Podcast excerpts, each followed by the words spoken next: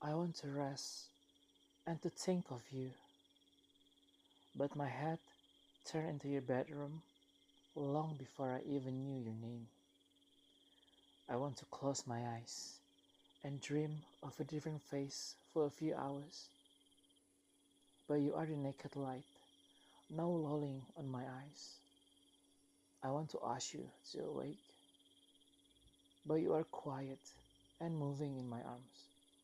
You are the sound and the silence in my voice. How can I heal myself of you?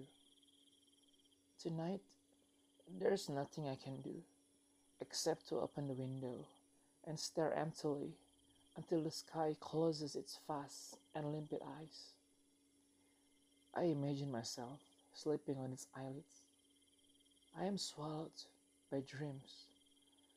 Maybe tomorrow someone will come to knock on the door, and I will awake and be unable to look at myself again.